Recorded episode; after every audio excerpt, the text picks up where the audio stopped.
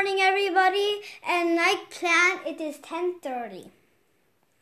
So now it's time for the jokes, um, the jokes of the day to make you in a better mood. First joke, Hugo. What can fly underwater?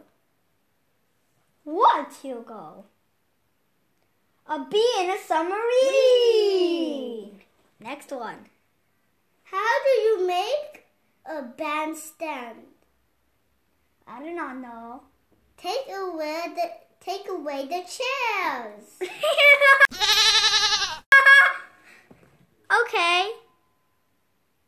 What happens if you spit out a light bulb? I don't know. You're delighted. Oh. Why do beautiful teeth? I don't know. They love to floss.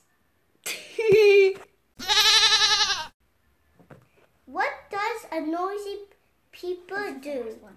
I do not know. It gets jalapeno business. Yo.